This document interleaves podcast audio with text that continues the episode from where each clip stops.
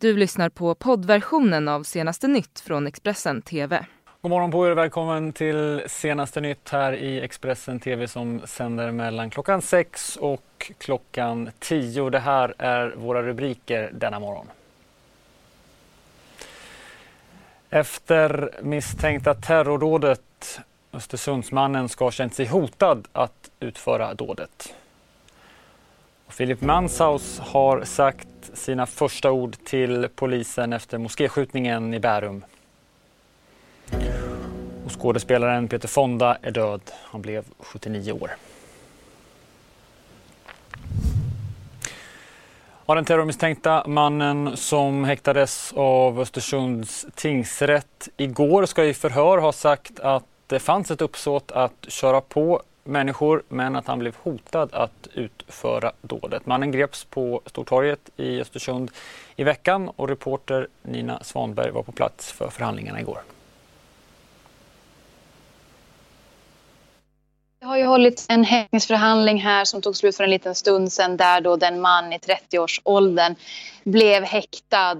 Den man som greps på Stortorget i Östersund i veckan häktades på fredagen på sannolika skäl misstänkt för stämpling till terroristbrott. Mannen nekar till brott men medger häktningen. Enligt källor till TV4 Nyheterna har mannen uppgett i förhör att det fanns uppsåt att köra på människor men att han utsatts för hot för att genomföra handlingen. Sannolika skälen om brott handlar ju om ett stämplingsbrott. Eh, det vill säga att man eh, antingen beslutar tillsammans med annan eller att åtar sig att utföra ett terrorbrott. Och i det här fallet så handlar det om misstanke om ett terrorbrott i Östersund. Det var vid 11-tiden på onsdagen som polisen larmades till Stortorget i Östersund. Detta efter att en bilförare väckt allmänhetens uppmärksamhet. Polisen ryckte ut och efter en dramatisk biljakt kraschade den misstänkta mannen in i en stenmur och kunde gripas.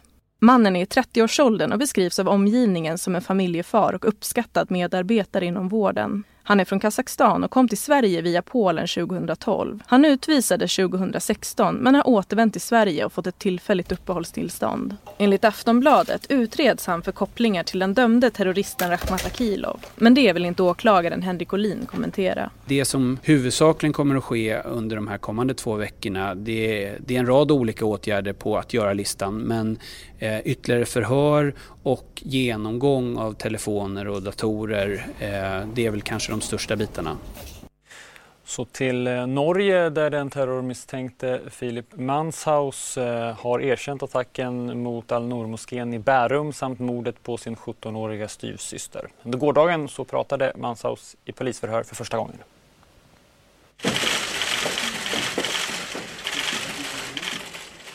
Tidigare i veckan blev det klart att den misstänkte moskéskytten Filip Manshaus hade bestämt sig för att prata med polisen efter att han tidigare hade vägrat samarbeta med förhörsledarna. Under fredags eftermiddagen var det dags och Filip Manshaus fördes i handbojor till polishuset i Oslo. Efter många timmar så avslutades förhören med 21-åringen som misstänks för mord och terroristbrott. Åklagaren Paul Fredrik Hjortkrabi berättar att Manshaus erkänner de faktiska omständigheterna men att han än så länge inte tagit ställning till frågan om straffansvar. Han säger att 21-åringens förklaring har gett ett viktigt bidrag till den fortsatta utredningen. Dagbladet frågade 21-åringens advokat Unni Fries om hon tror att hennes klients nya samarbetsvilja har något att göra med att polisen övervägt att lägga in honom för psykiatrisk tvångsvård. Fria svarade då att det inte har med det att göra utan att det är helt frivilligt från hans sida. Det var lördagen den 10 augusti som Manshaus gick in i moskén Al-Noor Islamic Center i Norge och med sig hade han olika vapen. Han övermannades snabbt av två äldre församlingsmedlemmar varav en höll fast honom medan den andra matade på med slag. Attacken på moskén skördade inte de dödsoffer som Philip Manshaus av allt att döma hade hoppats på. Men efter att ha gjort en husrannsakan hos honom hittade polisen hans 17-åriga styvsyster död. 21-åringen misstänks ha mördat henne innan moskéattacken. Det var alltså för en vecka sedan idag som Filip Manshaus först mördade sin styvsyster och sen begav sig till moskén i Bärum. Den 21-årige Filip Manshaus sitter nu häktad i fyra veckor misstänkt för terrorbrott, mord och mordförsök i Norge. Han siktede hadde på sig en hjälm och till den hjelmen var det festet GO-programmet som då, som då dekker tidspunktet för angreppet mot moskén. Och det gir, har gett oss viktig information, eh, men vi önskar inte gå i detalj på vad som framkommer där. Men dere sitter alltså på ett videoupptak? Ja, det gör vi. Det har eh, politiets etterforskere sett på? Det har vi sett på och det är en viktig del av vår efterforskning. Med de anhörigas godkännande namngav polisen offrets identitet, 17-årige Johanne, som misstänks ha blivit skjuten ihjäl av Manshaus innan moskéattacken. Mannen själv nekar till brott och kräver att bli försättas på fri fot. Det var på lördagen den 10 augusti som polisen larmades till en skottlossning i en moské i Bärum utanför Oslo. När polis kom till platsen hade människor i moskén lyckats övermanna gärningsmannen. En person skadades lindrigt men det är oklart om det rör sig om en skottskada. Under måndagens häktningsförhandling tilläts pressutbadet filma och ta bilder på den misstänkte gärningsmannen och i hans ansikte syntes flera blåmärken. Han log även mot den samlade presskåren. Polisen bekräftar att de fått in tips om 21-åringen för ett år sedan. Vi mottog en henvendelse från PST om detta i fjol sommar. Vi gjorde undersøkelser, eh, men fann inte ytterligare information som eh, kunde bli brukt i förebyggande tiltak. Detta förmedlade vi till PST och vi har inte haft kontakt med siktede.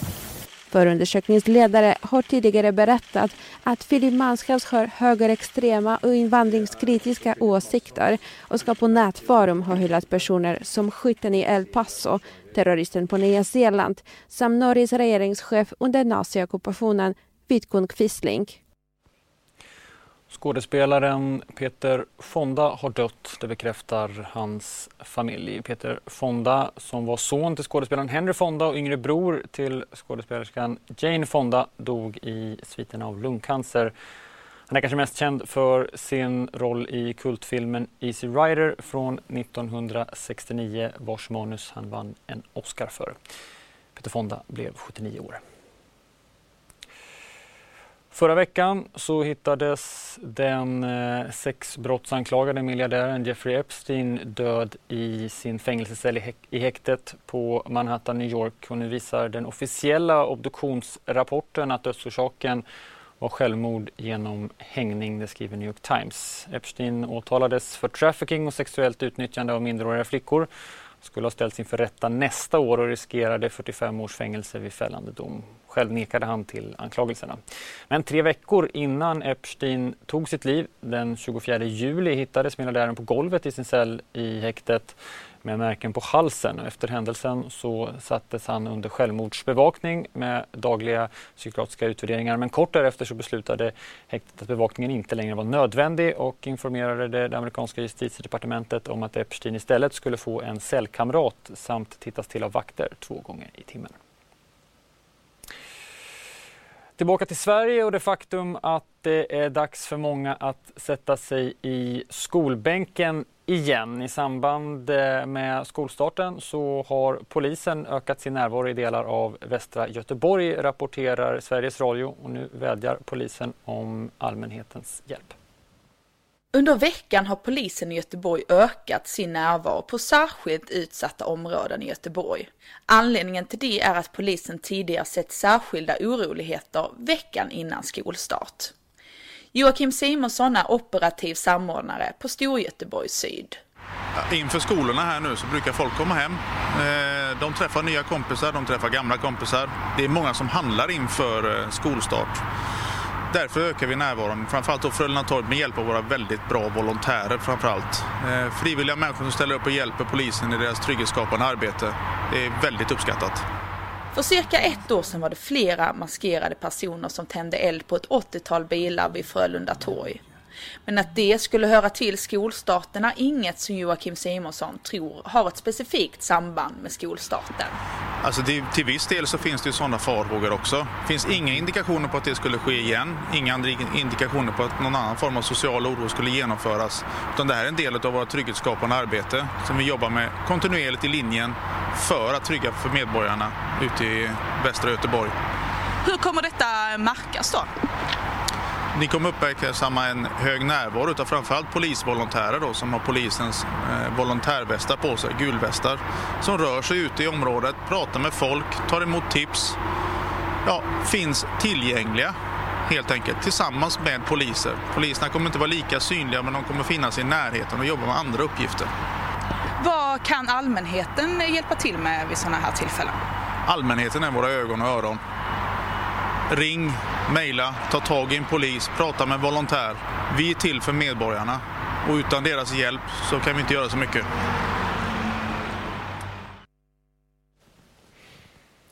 Fler nyheter det hittar ni som vanligt på sajten Expressen.se. Du har lyssnat på poddversionen av senaste nytt från Expressen TV.